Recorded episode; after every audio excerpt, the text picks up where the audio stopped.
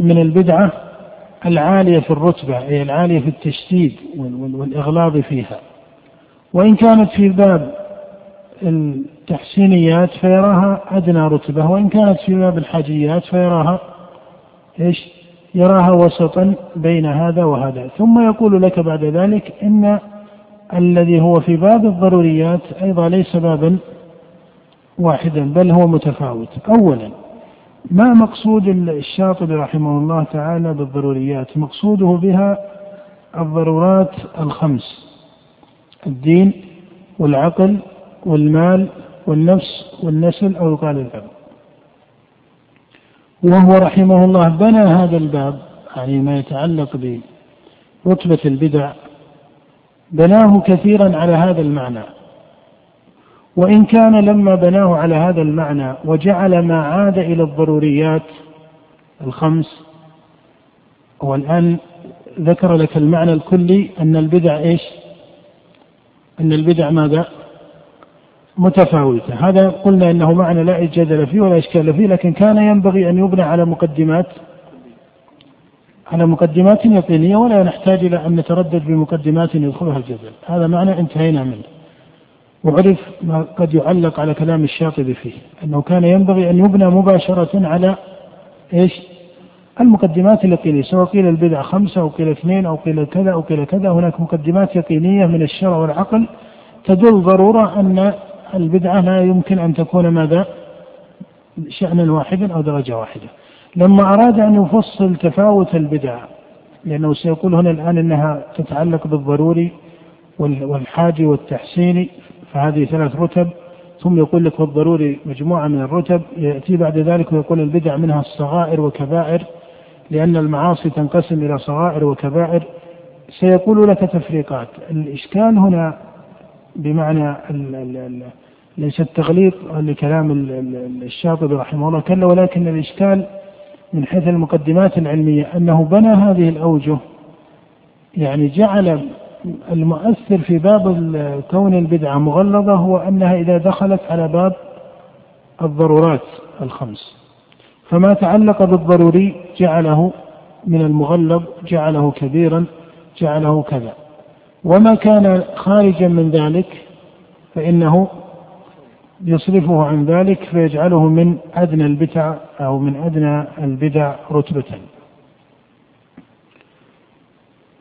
الإشكال هنا يتعلق بأنك يمكن أن تقول إن كل ما يتعلق بالدين والتشريعات سواء ما سماه الأصوليون بالأحكام التكليفية أو ما سموه بالأحكام الوضعية جميع هذه ترجع إلى إيش؟ أو لها متعلق بماذا؟ لها متعلق بهذه الضرورات الخمس فهذه الضرورات الخمس هي لا تذكر بمعنى أنها شيء وثمة تشريع آخر ينفصل في ماهيته عنها بحيث نقول إن ما يتعلق بهذه الخمس يكون مغلظا وما يكون خارجا عن ماهية هذه الخمس ومستلزمها يكون إيش؟ يكون ماذا؟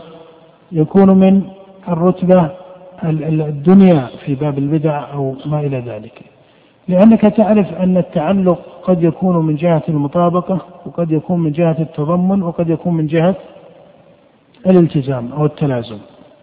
وأنت ترى الآن أنه ما من حكم شرعي ما نتكلم عن الحكم البدعي لكن من حيث الأصل ما من حكم شرعي سمي تكليفا أو سمي حكما وضعيا إلا وهو إيش؟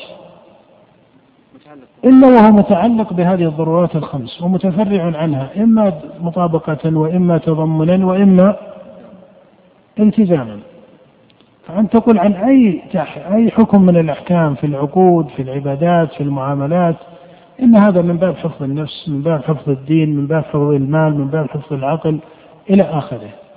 وعليه ما من بدعة ستقع في الدين إلا ولك أن تقول أن هذه ترجع إلى الضرورات لأنها تتعلق بالدين والدين من حفظه من باب الضرورات. فنرجع إلى إيش؟ إلى التزام أن البدع ستكون تتعلق برتبة برتبة واحدة. ولهذا هذا المعنى الذي دار عليه الشاطبي رحمه الله وجعله هو مناط الترتيب لدرجات البدعة يشكل من هذه الجهة لأنه ما من أمر من البدع يقع إلا ويمكن ماذا؟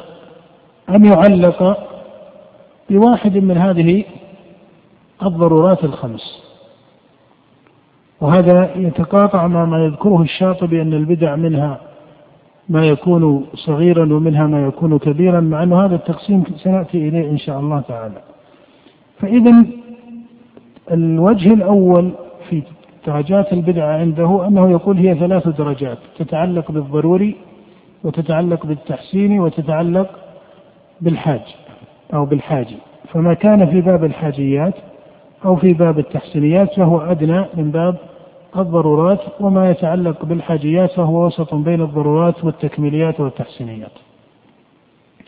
هذا حقيقة كما ترى من الأمور النسبية لأن ناظرا قد يقول هذا العمل هو في باب التحسينيات ويأتي آخر ويقول إن هذا من باب إيش؟ الحاجيات ويأتي آخر ويقول هذا يرتبط بضرورات أو بأحد الضروريات الخمس لأن هذا يتعلق بالنفس أو بالدين أو بالمال أو بالعرض. والأشياء لا تخرج عن هذه الأشياء الخمسة. والشريعة لما نقول هذه الكليات الخمس بمعنى حفظت معاقدها الأولى وقواعدها الأولى. وأما التفصيلات فهذه هي التي يدخلها الاجتهاد بين العلماء في فقهها وردها إلى هذه الكليات الخمس. ولهذا حقيقة الوجه الأول الذي يذكره المصنف آه، هو من حيث النظر المجرد آه، قد يكون مناسبا لكنك إذا جئت لتطبيقه لتفرق بين هذه البدعة وأختها ما استطاع أن ينتظم معك لأنه ما من حاجي إلا ويمكن أن يكون بوجه آخر من باب الضروري لأنك تستطيع أن ترده إلى مسألة الدين أو العرض أو المال أو ما إلى ذلك فيكون متعلقا. والمصنف ما تراه يعني أجاب عن هذا الإشكال وإن كان يعني أشار إليه لكنه ما أجاب عنه إجابة بينة. فعلا تزيل هذه المراجعة على هذا المعنى عنده. ثم يقول بعد ذلك الوجه الثاني من أوجه تفاوت البدع من جهة حكمها. اختلاف حكم البدعة من جهة التحريم والكراهة. التحريم والكراهة كما تعرف هو مصطلح أو أو كلمة جاءت في الاصطلاح ويريدون في الأحكام التكليفية بالمحرم هو ما نهى عنه الشارع على جهة الإلزام. أو أمر بتركه على جهة الإلزام والمكروه ما لا إلزام في تركه. المصنف لماذا قسم البدع إلى محرمة ومكروهة؟ هل هو بمؤثر الاصطلاح أو بمؤثر الأثر؟ أي يعني النقل عن السلف الأول. بأيهما؟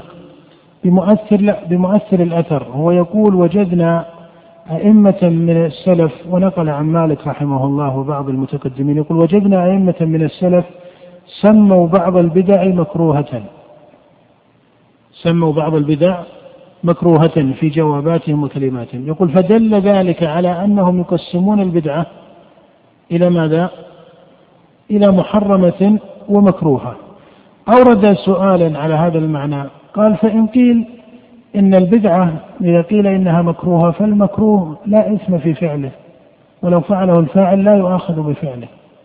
أليس كذلك؟ ماذا أجاب؟ أجاب بكلام لكن نتيجة الجواب الرئيسة في كلامه قال إن هذا هو المكروه ماذا؟ في الاصطلاح قال هذا هو المكروه في اصطلاح الأصوليين المتأخرين أن المكروه عندهم هو ما لا مؤاخذة في فعله قال وأما المقصود بكلام السلف كمالك وأمثالهم فيعنون بالمكروه هنا الذي كرهته الشريعة وهو في حكمه ماذا؟ محرم أي معزوم بتركه. إلى هنا الكلام صحيح، لكن كان ينبغي أن يقال كان ينبغي أن يقال ما دام أنها على رتبة المحرم بمع المكروه والمحرم ويقصد بالمكروه هنا ما هو في معنى المحرم الإشكال يأتي من هذه أو في هذا الكلام أنه كأن الشاطبي رحمه الله استعار اللفظ الاصطلاحي في باب المحرم. وإلا ما دام أن المكروه الذي نطق به السلف في البدعة هو بمعنى المحرم فلماذا نقسم البدعة إلى محرمة؟ إذا ما المقصود بالمحرم؟ والآن يقول هي محرمة ومكروهة ما المقصود بالمحرم؟ إن أريد بالمحرم هنا المعنى الاصطلاحي أفسد ماذا؟ أفسد المعنى الثاني لأن الثاني إيش؟ معزوم بتركه. وإن أريد بالمحرم هنا ما هو أشد يعني أنه درجة عالية من التحريم فهذا اصطلاح لم يكن مضطردا عند السلف الذين نطقوا بذلك. فإذا هو يقول البدعة محرمة ومكروهة. هل الذي قاده إلى التقسيم هي المصطلح الأصولي الذي قسم الأحكام إلى خمسة أقسام؟ الجواب لا. ما السبب عنده قال وجدنا أئمة من السلف سموا بعض البدع ماذا؟ مكروهة. قال فإن قيل فالمكروه يمكن فعله أو لا مؤاخذة في فعله. قال هذا المكروه في الاصطلاح لكن في كلام المتقدمين المكروه بمعنى المحرم. طيب ما دام الأمر كذلك كان ينبغي أن يقال إن البدعة محرمة في الشرع وتحريمها متفاوت. أو مكروهة في الشرع بمعنى الكراهة الأولى التي كان عليها المتقدمون وإيش؟ وهذه الكراهة ماذا؟ متفاوت لكن لما تقول محرمة ومكروهة فمعناه أن الأولى هي المحرمة والثانية هي المكروهة ما معنى المكروه؟ إذا قلت أنه هو المعزوم بتركه صار إيش؟ صار محرما فإذا هذا من باب اختلاف التنوع في الوصف إن لم يكن من باب الاختلاف اللفظي. فلا تجد أن هذا التقسيم ينضبط. يعني هو في كلمة المكروه جردها من نظام الاصطلاح وفي كلمة المحرم اعتبرها بنظام الاصطلاح. ومن هنا لا تجد أن هذا التقسيم يتسق أن تقول البدعة منها مكروه ومنها محرم. ثم يقول لك والمكروه معزوم بترك إذا هو محرم. رجعنا إلى هذا. فإذا كلمة المحرم هنا أيضا جاءت على المعنى الاصطلاحي. لا يكون تقسيما مناسبا. متى يكون التقسيم مناسبا؟ في الترتيبات العلمية. يكون التقسيم مناسبا في التراتيب العلمية. إذا جعلت الكلمة الأولى والثانية كلاهما على المعنى على المعنى إيش؟ الاصطلاحي. لأن الاصطلاح مفرق بين الأمرين. الشاطبي يقول هذا المعنى ليس مرادا نقول نعم هذا صحيح ليس مرادا عند المتقدمين لكن ما دام أنه ليس مرادا اذا لا نقول إنها محرمة ومكروهة بل يقال هي محرمة والتحريم درجات أو مكروهة إيش؟ والكراهة درجات ويقصد بالمكروهة هنا المعنى الذي ذكره مالك أو غيره وهو المكروه بمعنى ما كرهته الشريعة أو كرهه الشارع وهو على معنى العزم بتركه فيكون بمعنى المحرم. إذا الشاطبي يقول لا نفسر كلام مالك بالمصطلح المتأخر نقول هذا كلام صحيح. لكن ما دام لا نفسر كلام مالك إذا لا معنى لأن نقول مكروهة وإيش؟ ومحرمة لأن هذا هو نظام الاصطلاح. هذا نظام الاصطلاح لأن التفريق بين الشيئين يقتضي المغايرة بينهما. فإن قال أو فإن قيل إن مراده آه أن ما كان مكروها معزوم بتركه وما سماه محرما معزوم بتركه ولكن ما سماه محرما إيش؟ أشد نقول هذا أولا يستلزم التسلسل لأن حتى ما سمي محرما هو ليس مثالا إيش؟ ليس مثالا إيش؟ واحدا ولا صورة واحدة بل هو متعدد ويستلزم إشكالا آخر أن ما سماه مكروها لا يصح أن يسمى إيش؟ إذا قلت مكروها ومحرم فمعناه أن ما سمي مكروها لا يصح أن يسمى محرما. وهل أراد المتقدمون ذلك؟ لا ما أرادوا ذلك لأن مرادهم بالكراهة هنا المعنى الأغلب عن المعنى أو الأبعد عن المعنى الاصطلاحي. إذا إذا قلت إنها مكروهة ومحرمة فلا تسمي المكروهة محرمة وهذا ليس مرادا لهم. ومن هنا تجد أن هذا التقسيم لا نتيجة له آه، منضبطة. لا نتيجة له منضبطة.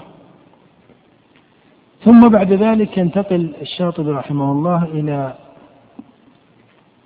آه، تقسيم من وجه ثالث. فيقول الوجه الثالث في تفاوت البدعة أنها تنقسم إلى كبيرة وصغيرة أنها تنقسم إلى كبيرة وصغيرة. هذا هو الوجه الثالث والأخير في كلامه. إذا الآن الباب السادس مقدمته ماذا؟ ها أن البدعة ليست ليست رتبة واحدة. هذا المعنى نقول إيش؟ أن البدعة ليست رتبة واحدة بل هي درجات هذا لا شك أنه معنى محكم وصحيح ولكن كان ينبغي أن يبنى مباشرة أو ابتداء على مقدمات يقينية. لأنه معنى يقيني فلا بد أن مقدمات ستكون يقينية ولا يدخل في مقدمات جدلية. وهذا هو المراجعة في كلام الشاطبي رحمه الله وإن كان كلامه آه، صحيحا من حيث النتيجة. ثم الشاطبي ليبين لك هذا التفاوت ذكر ثلاثة من الأوجه. الوجه الأول يقول إن البدعة إما تتعلق بالضرورات الخمس أو بالتحسينيات أو بالحاجيات. فهذه ثلاث رتب. يقول هذا من باب الفرض النظري صحيح لكنك إذا أردت طرده وتطبيقه دخلت عليك دلالة التضمن والمطابقة والتلازم فما من أمر إلا ولأحد أن يقول أو لناظر أن يقول إنه يرجع إلى عقل أو دين أو نفس أو ما إلى ذلك. فهو لا ينضبط كنظام في التطبيق. هذا لا ينضبط في التطبيق. قد يقول قائل هل معناه أنه لا توجد بدع في باب الضرورات وفي باب كذا وفي باب؟ نقول لا يوجد هذا. ولكن إذا أردت أن تجعل هذا نظاما تطبيقيا للحكم فهو لا يضطرد معك تماما. القسم الثاني أو الوجه الثاني من أوجه التفاوت لما قال ماذا؟ إن البدعة إما إيش؟ محرمة وإما مكروهة ثم فسر الكراهة بمعنى التحريم. فيقال عاد الثاني إلى إيش؟ إلى الأول. فما ما, ما, ما هناك نتيجة منتظمة. ما هناك نتيجة منتظمة. ويلزم منه أن لا تسمي الثانية بإيش؟ محرمة مع أنك أعطيتها حكم المحرم. وإذا أعطيتها حكم المحرم فمن باب أولى أن تسميها به خاصة أن التسمية الأولى ما هي تسمية خاصة. يعني لو قال البدعة شرك وكبيرة مثلا أو جدلا فإن كلمة شرك مدلولها إيش؟ خاص مدلولها خاص. لما يقول محرمة ومكروهة ويعطي المكروهة حكم المحرمة التحريم وصف عام كل ما عزم بتركه صح أن يسمى إيش؟ أن يسمى كل ما عزم بتركه صح أن يسمى إيش؟ محرما لأن الحرام في اللغة هو الممنوع. فكذلك المحرم شرعا هو الممنوع. المحرم شرعا هو الممنوع شرعا على جهة العزم. فإذا أعطيت المكروه حكم المحرم فصح أن يسمى إيش؟ محرما. وإذا سمي محرما رجعنا إلى قسم واحد. هل معنى هذا أننا نقول أن المعنى الكلي عند الشاطبي مشكل؟ الذي هو أن البدع متفاوتة؟ لا قلنا هذا معنى متفق عليه بين أهل العلم ولا ينبغي لأحد أن يتردد فيه أن البدع متفاوتة وأنها درجات. ولكن الكلام هو في هذه الأوجه التي ذكرها. لما جاء للوجه الثالث قال البدع تنقسم إلى صغيرة وكبيرة. باختصار كيف بنى الشاطبي هذا التقسيم؟ أو ما مبنى هذا التقسيم عند الشاطبي؟ ما مقدمته؟ مقدمته, مقدمته يقول لك البدعة معصية. هذه المقدمة الأولى. والمعصية إيش؟ تنقسم إلى صغيرة وماذا؟ وكبيرة. هذه ثاني مقدمتان. النتيجة النتيجة ماذا؟ البدعة صغيرة وكبيرة. إذا بناء على هذا التنظير البدعة معصية هذه مقدمة واحد. المقدمة الثانية المعصية منقسمة إلى صغيرة وكبيرة. وإن كان أشار إلى خلاف في هذا. النتيجة أن البدعة ستكون ماذا؟ صغيرة وكبيرة. لما جاءته هذه النتيجة التي بناها على هاتين المقدمتين ذهب بعد ذلك رحمه الله ليضع ضابطا للبدعة التي يسميها الشاطبي صغيرة. فذكر فيها شرطين. الشرط الأول قال أن تكون في جزئي وليس في كلي وأن تكون بتأويل وليس بدون تأويل قال فإذا كانت في كلية في إذا كانت في جزئي بتأويل فهي عنده أو في اصطلاحه الصغيرة. طيب ما هو الكلي وما هو الجزئي؟ قال الكلي ما يعود إلى إيش؟ ها من يجيب؟ أشرت إلى الهدف الأول. قال الكلي ما يعود إلى إيش؟ إلى الضرورات الخمس. ورجعنا في هذا الإشكال. حتى جزئيات الشريعة إيش؟ ترجع ما معنى الضرورات الخمس أصلا؟ معناها ما هي ما هي منفصلة وتوجد ما هي أخرى في الشريعة، معناه أن كل التشريع يدور على حفظ الدين والعقل والنفس والمال والعرض والنسل. فما من تشريع سمي في الاصطلاح تكليفا أو حكما وضعيا إلا وهو يتعلق بهذه إما مطابقة وإما تضمنا وإما التزاما فإذا يبقى أن السؤال ماذا؟ أن السؤال والتردد قائم متى تقول عن هذا إنه جزئي؟ قال إذا لم يتعلق بإيش؟ بالكلي طيب وما وصف الكلي؟ قال الكلي ما رجع إلى الضرورات الخمس هنا ما المثال الذي يمكن أن ينضبط بين النظار على أنه لا يتعلق بإيش؟ بالضرورات الخمس. هو ليس معنى هذا أننا نقول إنه لا توجد كليات وما دونها. لا شك أن ثمة كليات من الشريعة وثمة ما دونها والاصطلاح الذي غلب في كلام الفقهاء وأهل الأصول أن الدين منقسم إلى أصول وإيش؟ وفروع. فهذه تسمية مناسبة. إذا فسرت إيش؟ تفسيرا مناسبا. يعني هو شيخ الإسلام ابن تيمية كما تعرفون له اعتراض على هذا التقسيم من حيث الحد الذي حد به في كلام كثير من المتكلمين. والبعض من طلاب العلم يضاف إلى شيخ الإسلام أنه يبدع يقول إن تقسيم الدين إلى أصول وفروع إنه إيش؟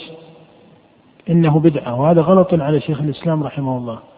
هذا تقسيم من حيث اللفظ هو تقسيم اصطلاحي لا مشحة فيه. بل بالقطع يعلم أن الدين منه ما هو أصول وهذا نطق به عشرات بالمئات من أئمة السلف أن الدين منه ما هو إيش؟ أصول. وتجد أن الإمام أحمد ومالكا وكثير يقرأه في كتب السنة والتي ذكرت عقائد السلف يقولون من أصول السنة عندنا ومن أصول الديانة عندنا فكلمة أصول الدين وأصول السنة وأصول الإيمان هذه كلمة مستفيضة في كلام السلف. وما يقابلها يقال هذا ليس من الأصول أو يقال إن هذا من باب إيش؟ الفروع لأن المقابل للأصل هو ماذا؟ هو الفرع. وكلمة الفرع ما فيها ذم حتى يقال إن الدين لا يسمى فرعا.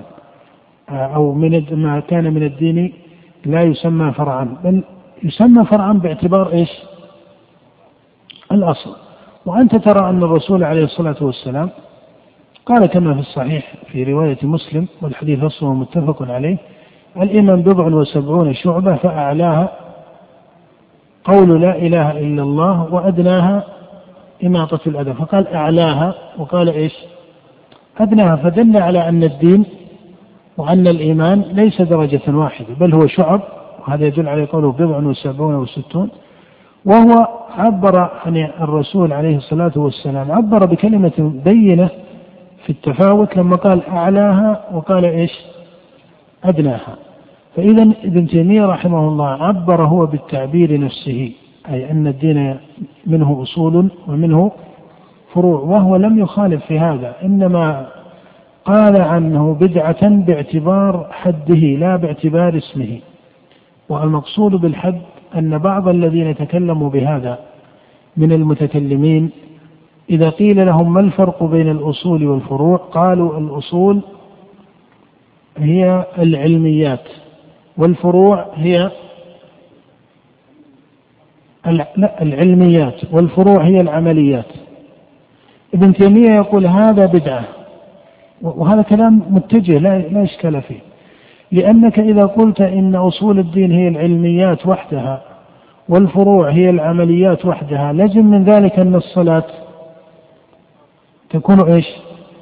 تكون في الفروع ولا شك أن هذا مخالف للعقل قبل الشرع أو تقول مخالف للعقل فضلا عن الشرع فإن الصلاة من أركان الإيمان والدين لا يجوز أن تسمى فرعا.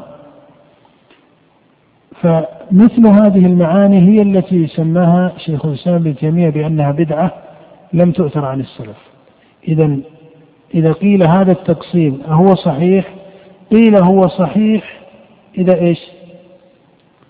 إذا فسر تفسيرا مناسبا. وأما إذا فسر ببعض حدود المتكلمين كقولهم الأصول العلميات والفروع العمليات فيلزم عليه أن كل علمي يكون أصلا وهذا لا يضطرد ويلزم عليه أن كل عملي يكون فرعا وهذا لا يضطرد لأنه ينخرم بالصلاة وبأشياء معروفة من الدين وهي أصول أو كمن يقول الأصول ما علم بالعقل والسمع والفروع ما علم بالسمع وحده فأيضا هذه حدود مخترعة مبتدعة. وهي لا تتفق مع دلالات النصوص ومع دلالات الإجماع.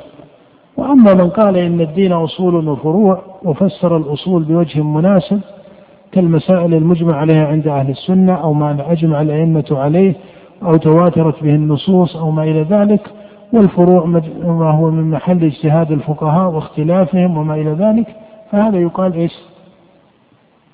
هذه معاني مناسبة وهو اصطلاح ولا مشاحة فيه. الذي يقود إلى هذا على كل حال أن المعنى الذي يشير إليه الشاطبي أن البدعة تنقسم إلى صغيرة وكبيرة بناه على مقدمة المعصية وأن المعصية تنقسم إلى صغيرة وكبيرة وإن كان أشار إلى خلاف في ذلك وبمناسبة إشارته أنبه إلى مسألة مهمة وهي أن الخلاف الذي ذكر في هذا من بعض أهل السلوك وبعض الفقهاء أو بعض شراح الحديث وبعض المتكلمين أنهم قالوا المعاصي كلها كبائر. المأثور عن أكثر الفقهاء وهو الذي عليه السلف الأول من الأئمة من الفقهاء والمحدثين أن المعصية تنقسم إلى صغيرة وإيش؟ وكبيرة. ودرج على هذا جماهير أهل العلم والنظر لكن جاء بعض النظار. من المتكلمين وجاء بعض أهل السلوك والتصوف وجاء بعض الشراح من أهل الحديث من المتأخرين فتكلم أعيان من هؤلاء المتأخرين فقالوا إن المعصية إيش؟ كلها كبيرة. وأرادوا بذلك الردع عن المعصية أو تعظيم معصية يعني تعظيم النهي عن معصية الله. قالوا لا تسمى صغيرة لأن من عصى الله وخالف الله وخالف أمر الله فلا يقال إنه أتى صغيرا بل هو أتى كبيرا لأنه خالف أو عصى رب العالمين سبحانه وتعالى. فنظروا إلى هذا الالتفات. ولا شك أن الله جل وعلا لما ذكر في كتابه أن معصيته صغير وكبير والرسول عليه الصلاة والسلام لما ذكر ذلك وقالوا يا ويلنا ما لهذا الكتاب في قول الله تعالى لا يغادر صغيرة إيش؟ ولا كبيرة إلا أحصاها. وكذلك في كلام النبي صلى الله عليه وسلم وما درج عليه الصحابة رضي الله عنهم ما نسوا هذا المعنى. فليس من المناسب أن تستدرج هذه المعاني لتغير قدرا من الحقائق الشرعية التي جاء بها إيش؟ التي جاء بها الشارع وانضبطت. والإنسان إذا فعل صغيرة من الصغائر ليس المقصود هنا أنه هون أمر الله جل وعلا. كما حصل من من هون أمر الله ولا يزال معظما لله بالإيمان به والتوحيد والإسلام وما إلى ذلك لكن غلبت نفسه في معصية. يعني غلبته نفسه في معصية. يعني تشوف أحيانا البعض مثلا في معصية من الصغائر يقول ما لكم لا ترجون لله وقارا. لا هذه في قصص وناس يخالفون الله جل وعلا أو يعصون الله في أصول الملل وفي أصول الديانة. أما في صغائر الأمور فهذه التعبيرات لا ينبغي أن تكون مناسبة. لا يصح بل هذا التعبير يجرى على وصفه. فإذا الصواب أن المعصية تنقسم إلى صغيرة وكبيرة. وهذا ما جاء صريحا في القرآن وكلام النبي عليه الصلاة والسلام وهو إجماع عند الصحابة وهو إجماع عند الصحابة فإذا الخلاف فيما بعد ليس خلافا معتبرا الخلاف فيما بعد ليس خلافا معتبرا وإنما ينبه إلى ذلك لأنه كما أسلفت بعض المتأخرين أرادوا زجر الناس عن المعاصي فقالوا المعاصي كلها إيش؟ كبائر. هذا من المبالغة في الوصف، ما دام أن الشارع وصفها بالصغيرة والكبيرة فينبغي أن يقصد إلى هذا المعنى، ينبغي أن يقصد إلى هذا المعنى وأن يلتزم ولا تجوز مخالفته بتأويل ليس على وجهه. السؤال هنا هل المعصية لما يقال أنها صغيرة وكبيرة هل هذا يستلزم أن تكون البدعة صغيرة وكبيرة؟ الشاطبي رحمه الله قرر ذلك ثم أورد إشكالا عليه وهو يقول إن الصغيرة لا مؤاخذة فيها إن الصغيرة لا يعاقب الإنسان عليها بل هي مغفورة باجتناب الكبائر وبجمل أخرى ثم أراد أن يجيب عن هذا المعنى ولكنه أجاب عنه جوابا ليس تاما فيما يظهر وانصب كلامه رحمه الله على التفريق بين الصغير من البدع والكبير. فقال الصغير هو إيش؟ ما تعلق بالجزئي وصاحبه متأول. قال فإذا كان في جزئي وصاحبه متأول فهو صغير وإذا لم يكن كذلك فهو الكبير. ثم لم يقف عند هذا رحمه الله بل ذكر شروطا مضافة على الصغير من البدع. قال ومن شرط كون البدعة صغيرة ألا يداوم عليها فإن المعصية فإن الصغيرة من المعاصي لمن داوم عليها تكون كبيرة. قال الثاني ألا يدعو إليها. قال الثالث ألا تفعل في مواضع التي هي مجتمعات الناس. قال الرابع ألا يستصغرها. فتكون النتيجة أن كون البدعة صغيرة عنده له كم شرط؟ لا يكون له إيش؟ ستة شروط أحسنت يكون له ستة من الشروط أن تكون في جزئي أن تكون بتأويل أن لا يداوم عليها أن لا يدعو إليها أن لا يفعلها في مواضع اجتماع الناس أن لا يستصغرها يقول إذا توفرت فيها هذه الشروط الستة ماذا؟ فإنها تكون صغيرة. هو في الأول ما قال هذه الشروط بهذا الانتظام ستة. هو يقول الكبيرة والصغيرة. الصغيرة ما كان في جزئي بتأويل والكبيرة ما ليس كذلك. لكنه بعد ذلك خشي أن يدخل عليه من يدعو إلى الجزئي أو يداوم على الجزئي. فراح بعد ذلك رحمه الله يضيف إيش؟ شروطا لبقائها صغيرة فقال ولكن بشروط أخرى. وهي الشروط الأربعة. فتكون الشروط حقيقتها أنها ستة من الأوصاف. أن تكون في جزئي أن تكون إيش؟ أن تكون بتأويل ألا يداوم عليها أن لا يدعو إليها ألا تفعل في المواضع التي هي مجتمعات الناس ألا يستصغرها. وأنت ترى أن هذه الشروط الستة فيها قدر كثير من الإجمال والاشتراك فإن الأول أن تكون في جزئي يقال لا شك أن ثمة كليات وما دونها أو تقول ثمة أصول وفروع ولكن لما يقول رحمه الله إن الكلي ما عاد إلى الضرورات الخمس ها؟ هذا هو الإشكال. هل العود هنا بمعنى أنه تعلق بها ولو على سبيل التلازم؟ فعليه كل أمر. يقال إنه إيش؟ كل أمر فإنه إيش؟ يعود إلى هذه الضرورات الخمس. فإذا هو لو عرف الكلي بغير طريقة التعلق بهذه الضرورات الخمس لأمكن انفصاله عن الجزئي. لكن لما جعل الكلي ما تعلق بالضرورات الخمس فيقال التعلق قد يكون مطابقة أو تضمنا أو أو من باب التلازم أو الالتزام. وما من أمر من الأمور إلا وهو يتعلق بهذه الضرورات الخمس بوجه من هذه الأوجه الثلاثة أو بواحد من هذه الأوجه الثلاثة. فهل يكون كليا؟ ما ما يلتزم الشاطبي رحمه الله ولا غيره من العارفين بالعلم هذا الأمر أن كلما أدخل على أحد هذه الضرورات الخمس بوجه من الوجوه الدلالة يكون من الكليات. فإذا هو لو فرق بين الكلي والجزئي بغير مسألة العود إلى الضرورات الخمس لكان إيش؟ الكلام يتسق نظامه لكن لما يقول الضروري هو ما عاد أو الكلي ما عاد إلى الضرورات الخمس نقول هات يعني في البحث يقال أين المثال الذي لا يمكن فرضه أو فرض عوده إلى إيش؟ الضرورات الخمس. خاصة إذا دخلت دلالة التلازم والتضمن فتعرف أن هذه الدلالة لا تناهي لفروضاتها. لا تناهي لفروضاتها على طريقة التسلسل في الاستصحاب للفرع ورده إلى أصله أو الجزئي إلى كله. وعليه فهذا التقسيم للبدعة من هذا الوجه أيضا لم ينضبط له نتيجة تطبيقية واضحة. لم تنضبط له نتيجة تطبيقية واضحة.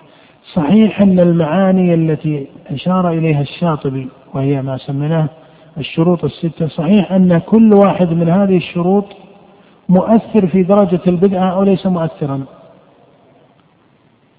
كل واحد من هذه الشروط لا شك أنه مؤثر. فالبدعة في الكلي ليس في البدعة في إيش؟ في جزئي كما عبر. هذا أمر مؤثر. البدعة التي معها تأويل ليست كالبدعة التي فيها قدر من المشاقة والمعاندة وما إلى ذلك. هذا أيضا مؤثر. البدعة التي يدعو صاحبها إليها ليست كالتي يستخفي بها. البدعة التي يداوم عليها ليست كالتي تعرض عنده. البدعة التي تظهر أمام العامة ليست كالخاصة. هذا وجه من من التأثير. ليس بالضرورة أن كل خاص يكون إيش؟ أهون من كل عام. لا قد يكون الخاص أشد. قد بعض الناس يستسر ببعض البدع التي هي من طريقة الخاصة الخاصة وما إلى ذلك. وتكون أشد عتوا من البدع العامة لكن أقصد أن هذا وجه أيضا له تأثير. فإذا المعاني أو الشروط التي ذكرها مؤثرة لكنها لا تستطيع أن تقول إنها هي الذي تقسم البدعة إلى إيش؟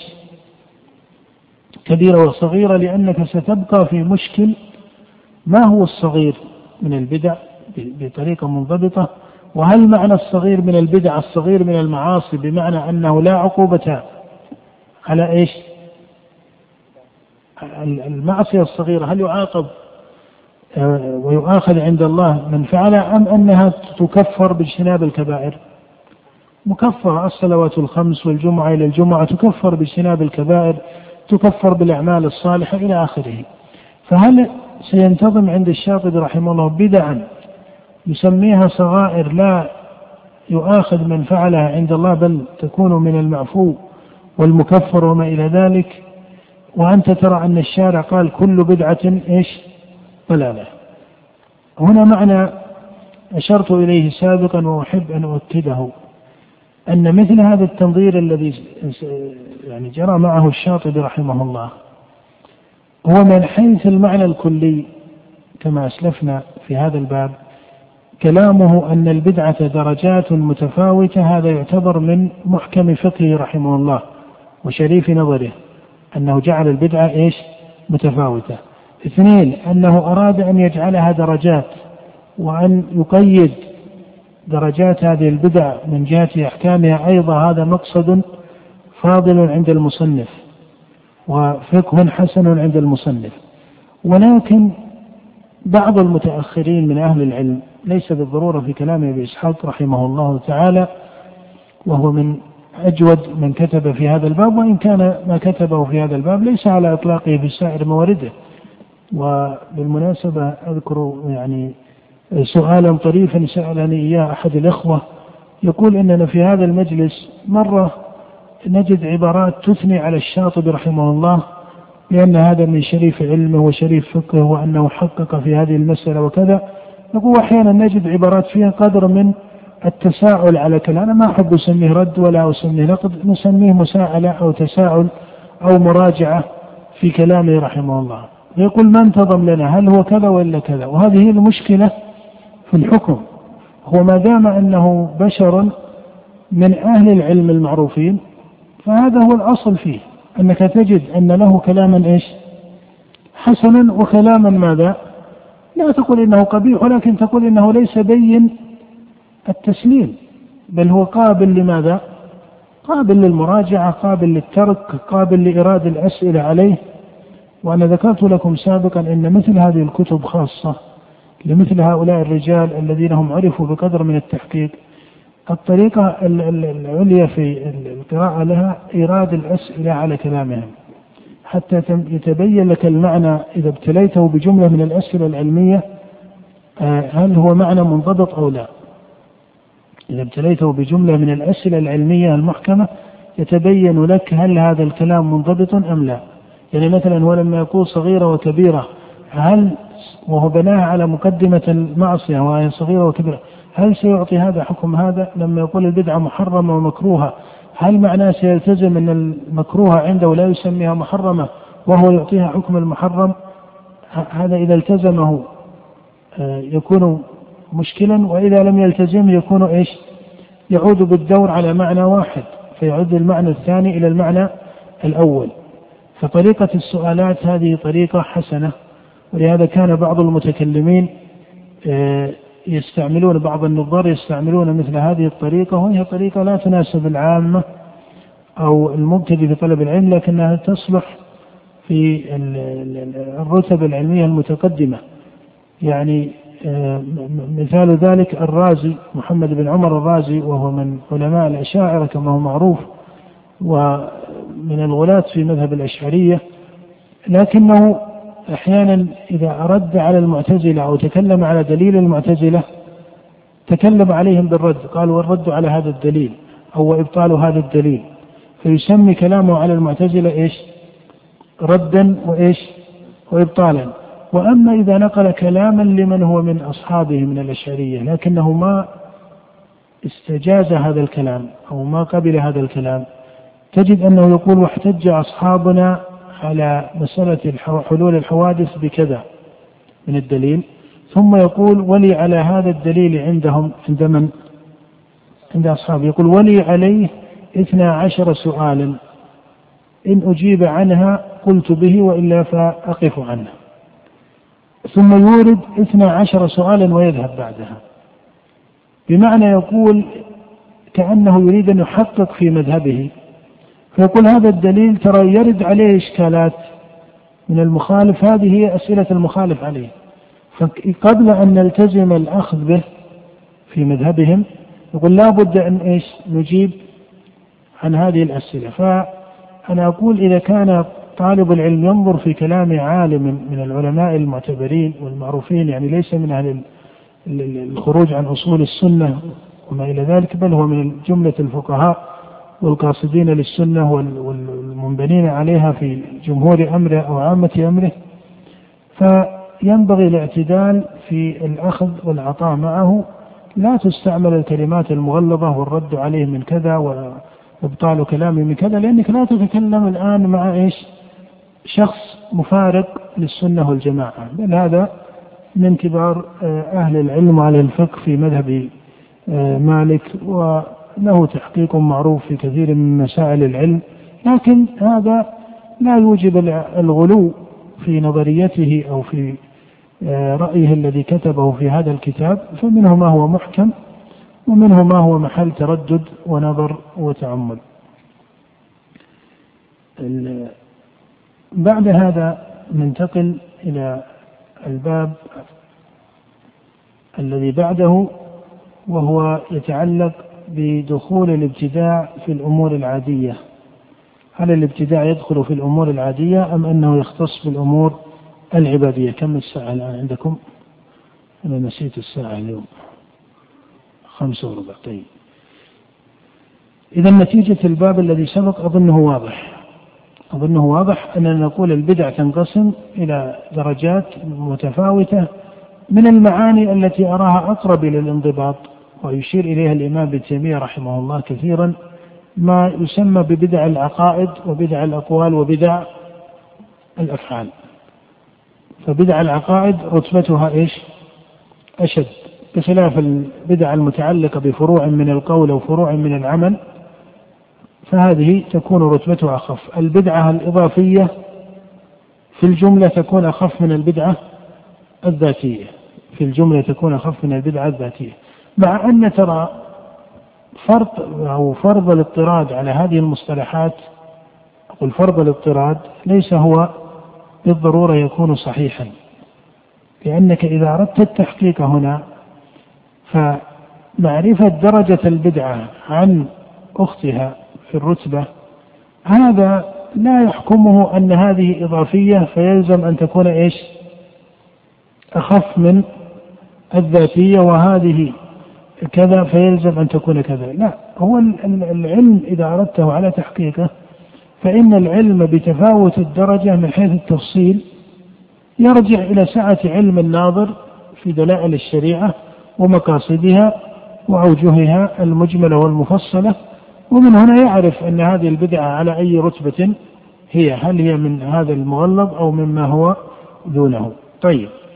الباب الذي بعده ذكر فيه الشاطبي رحمه الله ما يتعلق بالأمور العادية والأمور العبادية. لو رجعنا إلى الباب الأول ولعلكم تذكرون ذلك ماذا قال الشاطبي في تعريف البدعة؟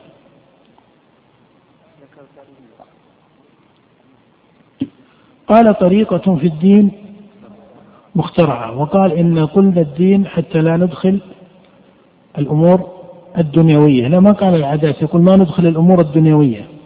ثم قال تضاهي الشرعية يقصد بالسلوك عليها المبالغة في التقرب إلى الله. قال وهذا على قول من يقول إن البدعة خاصة بالعبادات. قال وأما على رأي من يرى أنها تدخل في العادات فنقول طريقة في الدين مخترعة تضاهي الشرعية يقصد بها ما يقصد بالطريقة الشرعية. وسبق أن هذا التعريف والآخر ليس على إطلاق ليس واحد منهما يكون آه، مطلقا. ليس واحد من هذين التعريفين يصح إطلاقه أو ضبطه وهذا كلام لا أحب أن نعود إليه لأنه سبق بقدر من الاستطراد أيضا. ولكن أشار لك سابقا في الباب الأول أن ثمة رأيين حسب ما ذكر حسب ما ذكر هو أن ثمة رأيين لأهل العلم منهم من يقول البدعة تدخل في العادات ومنهم من يقول البدعة إيش؟ تخص يعني منهم من يقول هي في في العبادات والعادات ومنهم من يقول هي في العبادات وحدها. وبنى تعريفه للبدعة على هذين الرأيين. تذكرون أن التعليق الذي أشير إليه في المجلس الأول والمجلس الثاني أن إدخال البدعة في العادات فيه تكلف لأنه لا أحد من العلماء يقول إن العادة المجردة العادة المجردة تكون إيش؟ بدعة بمعنى بدعة شرعية أي حضرتها الشريعة. هذا ما أحد قال به من أهل العلم. إذا متى تكون العادة محظورة؟ ويدخل وجه إذا قلبت العادة أو اتصل بها وجه من التعبد فتكون بدعة إيش؟ لهذا المؤثر. ولما اتصل بها وجه من التعبد سميت في باب العادات ولا في باب العبادات؟ سميت في باب العبادات. فالخلاف أصلا قلنا سابقا إن الخلاف لا حقيقة له. لأنك لما تقول البدعة هي في العبادات والعادات أم في العبادات وحدها؟ يقال البدعة في العبادات. وما قال أحد من علماء الإسلام من المتقدمين إن العادات تكون بدعا من حيث هي عادات مجردة. ولهذا من أدخلوا العادة في البدعة لا تجد أنهم يدخلونها بتجريدها بل يدخلون عليها إيش؟ وجها من التعبد فيسمونها به بدعة. يقال هذا ليس محل ماذا؟ ليس محلا للخلاف لأن الفعل العادي إذا اتصل به وجه من التعبد كالإرادة والنية انقلب إلى إيش؟ أضرب لكم مثلا إنسان يبحث عن صاحب له يطوف بالبيت يعني رجل فقد ابنا صغيرا له فصار يبحث عنه بين الطائفين هو قصده هنا لا يطوف بالبيت وإنما إيش؟ البحث عن هذا الصبي. حركته هي نفس حركة الطائفين أليس كذلك؟ هل يسمى هذا أمرا عباديا وإلا أمرا عاديا؟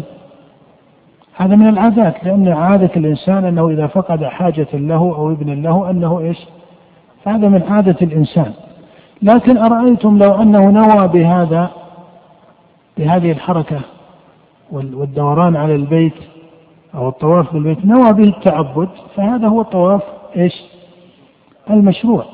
فإذا الفعل العادي المجرد تجريدا كاملا لا أحد يقول إنه يكون بدعة وإنما ماذا وإنما إذا اتصل به قصد التعبد أو وجه من المعاني التي هي في مقاصد الشريعة وقواعدها تحول الفعل من كونه عادة إلى كونه إلى كونه عبادة.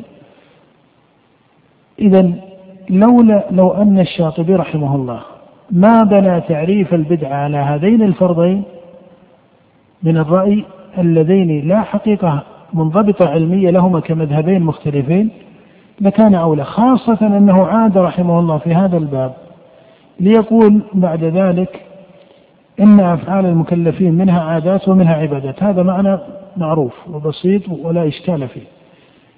ثم يقول وقد أشرنا سابقا إلى آخره ثم يذكر الكلام وينتهي إلى نتيجة تقول إن العادة إذا اتصل بها وجه شرعي فهي ماذا؟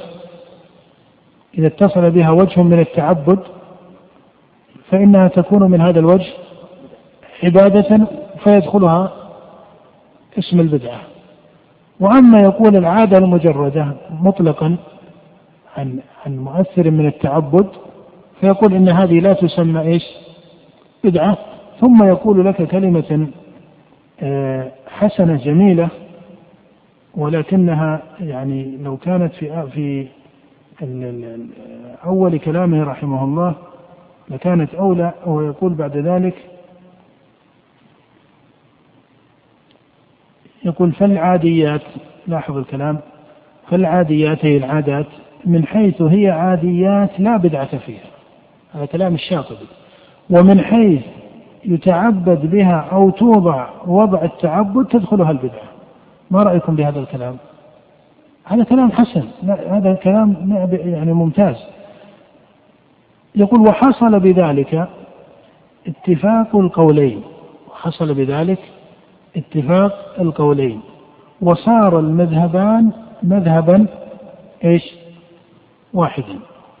أنا أعود أقرأ كلامه رحمه الله مرة ثانية، يقول بعد ما ناقش مسألة العادات والعبادات وهل البدعة تدخل في العادات؟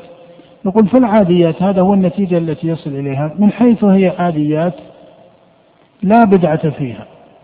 إذا كانت عادة مجردة لا بدعة فيها ومن حيث يتعبد بها أو توضع وضع التعبد تدخلها البدعة قال وحصل بذلك بهذا الجمع اتفاق القولين وصار المذهبان مذهبا واحدا وبالله التوفيق. وقال هذا كلام فقيه أو كلام محكم في الفقه.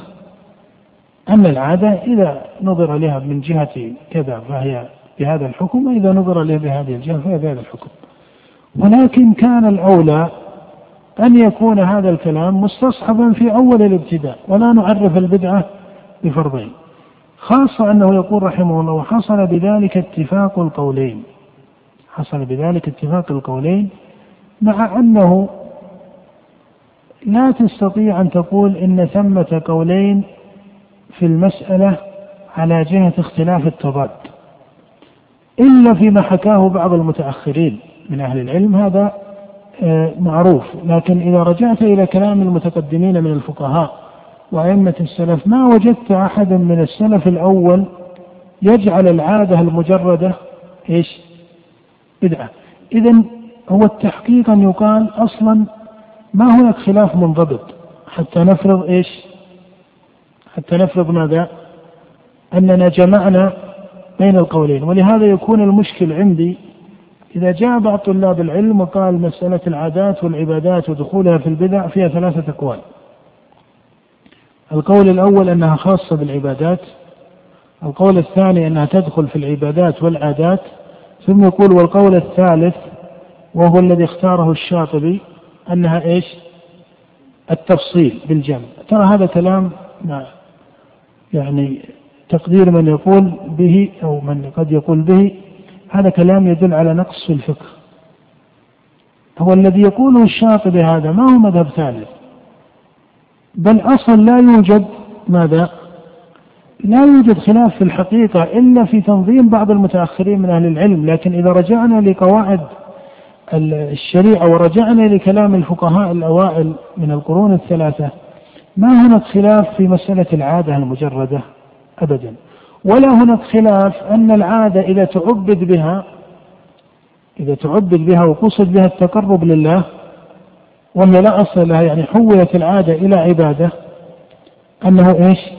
تتأثر بهذا المعنى لأنك إذا أردت بالتعبد بها الاحتساب عند الله فهذا معنى صحيح مثل ما قال معاذ لأبي موسى وإني لأنام مع أن النوم أمر النوم أمر إيش؟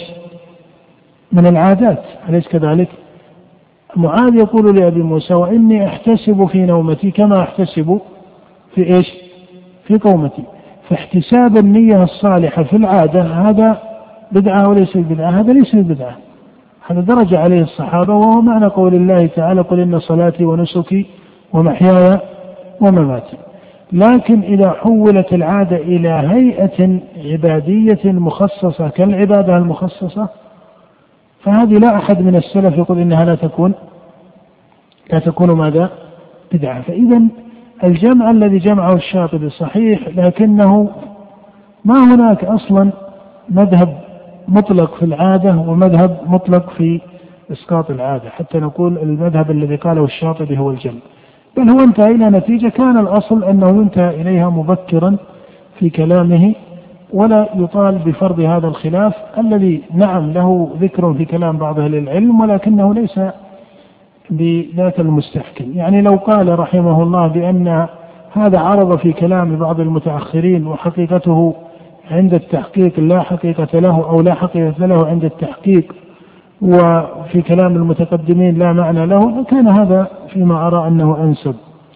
لأن مسألة العادة الأصل فيها أنها لا صلة لها بالتعبد من حيث التبديع وما إلى ذلك إلا إذا تكلف في ردها إلى البدعة أو إلا إذا تكلف الفاعل لها في إدخالها في التعبد فهذا يناسب آه، آه، صلتها بمسألة البدع من هذا الوجه.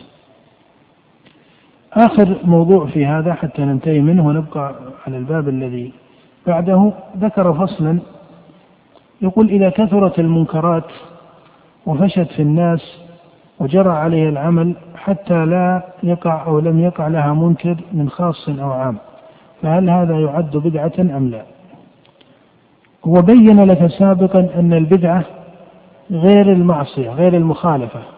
يقول مثلا من يسرق نسمي سرقته إيش؟ ماذا؟ معصية. لا تسمى هذه بدعة. هو فرق بين المخالفة بترك المأمور أو فعل المحظور وبين البدعة. هنا أورد إشكالا. يقول المحرم الذي لا نسميه بدعة. يقول إذا فشى منكر من المنكرات وسكت الناس عنها سكت الخاصة والعامة عن إنكاره. فهل نقول إن هذا يعد بدعة؟ لماذا جاء هذا السؤال عند الشاطبي؟ يقول لأنه قد يقال أن السكوت يعطيك أنه من الأمر الذي إيش أقرته الشريعة ولو أن أحدا فرض في محرم إقرار الشريعة له لكان قوله هذا من أشد الضلال والابتداع أليس كذلك؟ فيقول المسألة لها نظران. النظر الأول من حيث الوقوع والنظر الثاني من جهة ما يقترن بها. ثم يقسم الشاطبي رحمه الله هذه المسألة إلى جملة من الصور فيقول أن يخترعها المخترع وهذا أظهر الأقسام أن يعمل بالمعصية العالم فيفهم الجاهل أنها مشروعة. فيقول أن العالم إذا عمل بمعصية من المعاصي فقد يفهم بعض الجهال لعمل العالم بها أنها ليست من باب المعاصي. فهل نقول إن فعل العالم بها يكون بدعة من هذا الوجه؟ لأنه قد يتعلق به فهم الجاهل باعتقادها أمرا مشروعا أو أمرا سائغا أن يعمل بها الجاهل مع سكوت العالم. هذه الصورة الثالثة. أن تكون من باب الذرائع. هو حقيقة هذا المعنى لا يتجاسر الإنسان إلى أن يعني يطلق عليه هذه الألقاب التي جاءت الشريعة بذكرها على معاني مخصوصة فلا شك أن المنكر إذا فشى وما أنكر هذا يسمى ماذا؟ يسمى منكرا يسمى ضلالا يسمى كذا لكن محاولة إدخال أوصاف لها خصوصية في الشريعة كمسألة البدعة وما إلى ذلك هذا أمر أرى أنه من الذي الأولى أن يتباعد عنه لأنه يدخل الأمور في دائرة من الجدل مع أنك تستطيع أن تسمي هذا الفشو منكرا وتسميه ضلالا إلى آخره. هذا ملخص الباب السابع فيكون انتهينا من الباب السادس. والباب السابع إن شاء الله تعالى نستكمل آه، بقي ثلاثة أبواب في الكتاب كما تعرفون نستكملها غدا إن شاء الله تعالى. نعم. إذا احتجنا إلى يوم الخميس إذا احتجنا إلى يوم الخميس أخذناه وإذا ما احتجنا إليه اكتفينا بما ذكر. والله أعلم وصلى الله وسلم على نبينا محمد. ونقف دقائق مع بعض الأسئلة.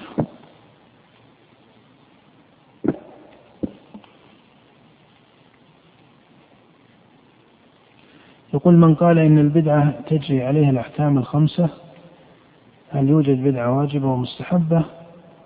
آه، من يقول إن البدعة تجري عليها الأحكام الخمسة هو يقول بذلك ولكن سبق معنا أن تقسيم البدعة إلى هذه الأحكام الخمسة ليس صحيحا بل حتى تقسيم البدعة إلى بدعة حسنة وبدعة سيئة ليس صحيحا بل البدعة بمعناها الذي ذكرته الشريعة مذمومة في سائر مواردها لأن الرسول عليه الصلاة والسلام قال كل بدعة كل بدعة ضلالة. فوصف الشارع بأنها ضلالة في سائر مواردها بصيغة العموم فيعرف أن هذا التقسيم ليس بصحيح. يقول في حديث كل بدعة ضلالة وكل ضلالة في النار. ما كان مح... فإذا كان قد حدد له العقوبة فهو كبيرة وأليس كذلك؟ هذا وجه من الاعتبار صحيح. هذا وجه من الاعتبار والنظر في النص صحيح مع أن هذه الرواية فإن الحديث أصله في الصحيح ولكن هذه الزيادة وكل ضلالة في النار هي ليست في الصحيح جاءت في السنن وغيرها وتكلم بعض أهل العلم من جهة كونها شاذة أو كونها محفوظة ففيها كلام لبعض الحفاظ من جهة ثبوتها يعني كلمة إيش؟ وكل ضلالة في النار والإمام ابن تيمية رحمه الله يميل إلى أنها شاذة وبنى ذلك ليس على محض الإسناد بل بناه حتى على المتن فيقول إن متنها آه، ليس محفوظا. وعلل ذلك رحمه الله بقوله إن الضلالة لا تستلزم العقوبة فإن الله يغفر ما دون الشرك لمن يشاء. فلا يقال إن كل ضلالة في النار بل الضلالة آه، من وافى ربه بضلالة دون الشرك فهو تحت مشيئة الله. هذا المعنى حقيقة ذكره شيخ الإسلام رحمه الله. وهل هو لازم على هذا المعنى؟ أو قد يقال إنه من جنس قول الله ومن يعص الله ورسوله ويتعدى حدوده يدخله نارا خالدا فيها مع أن هذا من باب ما تحت المشيئة. على كل حال آه، المقصود الإشارة إلى رأي شيخ الإسلام في هذه الرواية. يقول ما رأيكم في من يقول إن تقسيم التوحيد إلى ثلاثة أقسام بدعة. لعله يريد التقسيم المشهور في كلام أهل العلم أن التوحيد يسمى بتوحيد الربوبية وتوحيد الألوهية وتوحيد الأسماء والصفات.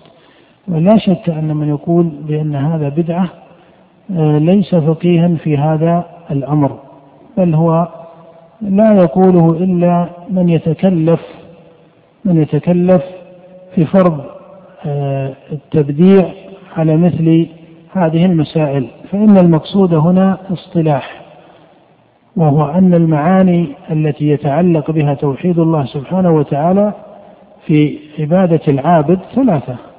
ما يتعلق بمعرفته سبحانه وتعالى في ربوبيته وهي أفعاله جل وعلا كالخلق والرزق والإحياء والإماتة وأمثالها وما يتعلق بأسمائه وصفاته معرفته من هذا الوجه والإيمان بذلك وبمقتضاه وما يتعلق بإفراده وحده بالعبادة والخلوص من الشرك.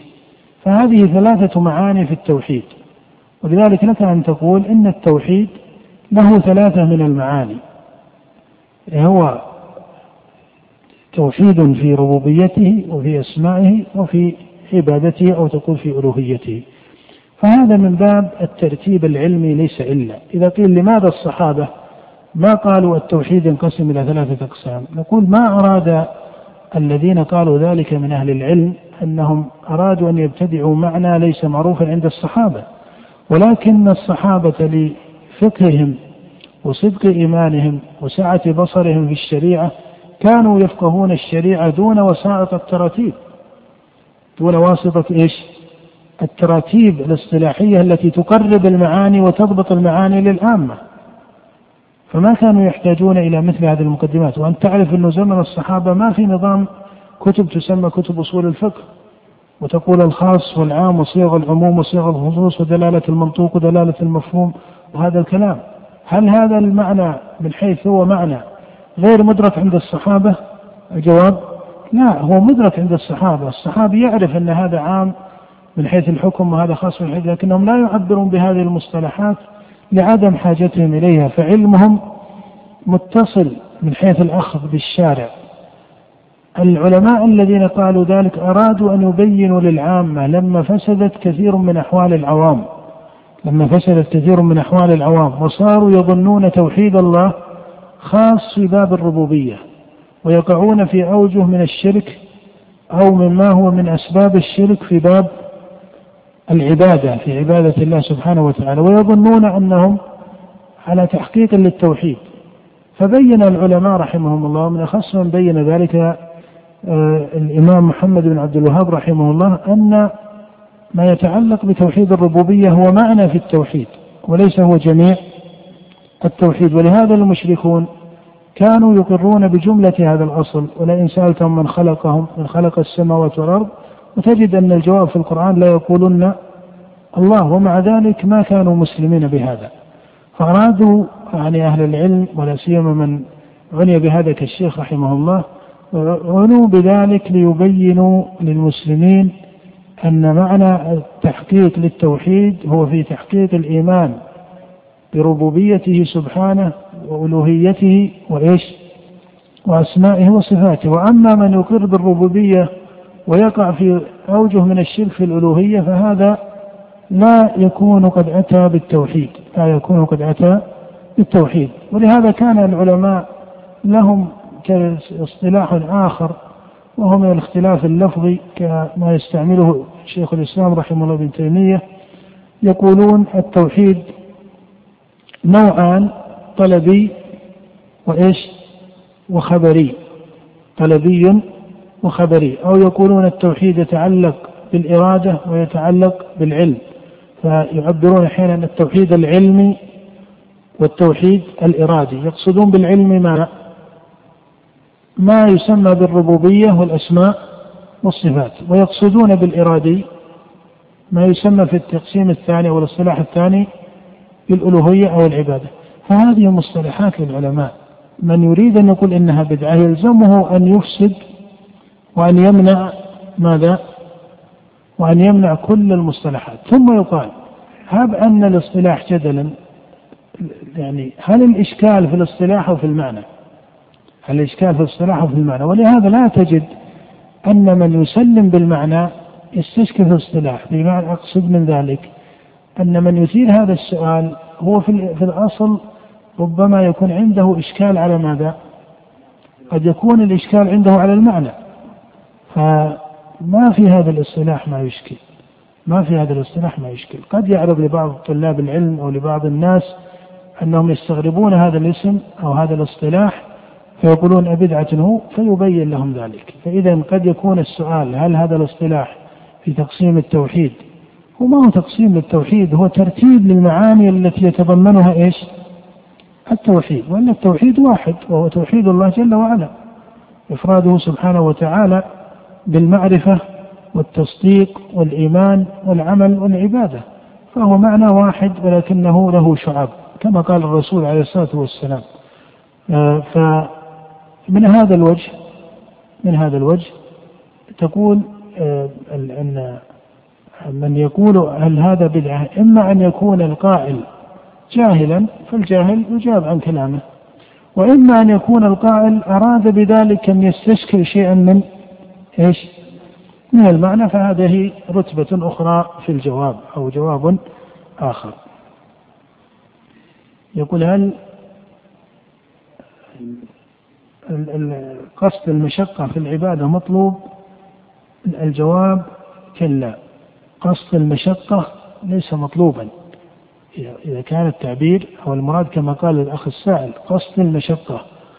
ولكن الأعمال حسب ما هي في تشريع الشارع وفي تحصيل العباد لها. كتب عليكم القتال وهو إيش؟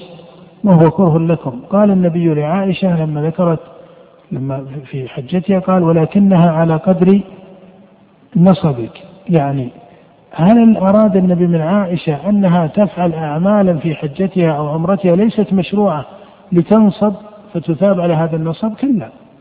وإنما أراد عليه الصلاة والسلام أن من أتى بهذا النسك فإنه يلحقه قدر من إيش؟ من النصب لكونه بشرا. هذا أمر معروف ولا إشكال فيه. فهذا النصب الذي ينصبه الإنسان بعبادة شرعية وهو ليس متكلفا فيه فإنه يثاب عليه ويؤجر عليه. لكن أن الشريعة قصدت من العباد أن يتكلفوا بصناعة المشقة لأنفسهم فمن يجد ماء باردا ليفطر به من صيام رمضان أو صيام غيره. يترك البارد إلى ما هو أشد لينصب زيادة أو أن يستظل بالظل وهو صائم فيذهب إلى الشمس لينصب ويعطش زيادة. فهذه هي الرهبانية التي ابتدعوها. هذا من جنس رهبانية أهل الكتاب.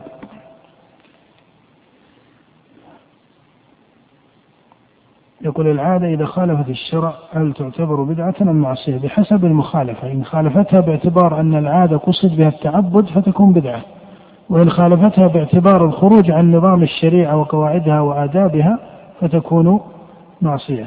يقول ألا ترى أن الخلاف في البدعة خلاف من حيث دخولها في العادات هو من الخلاف اللفظي هذا كلام صحيح ولكن سبق آه الإشارة إليه.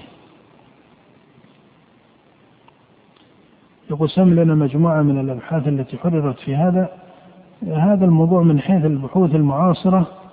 كتب فيه مجموعة من البحوث الأكاديمية ولكن آه الذي أفضله لفقه هذا الموضوع هو ما سبق الإشارة إليه أن طالب العلم يكثر من الاستقراء فيه. وأول ما يستقرأ في هذا النصوص نصوص الكتاب والسنة وكلام السلف الأول ثم العناية بكلام المحققين من أهل العلم الذين كتبوا في هذا.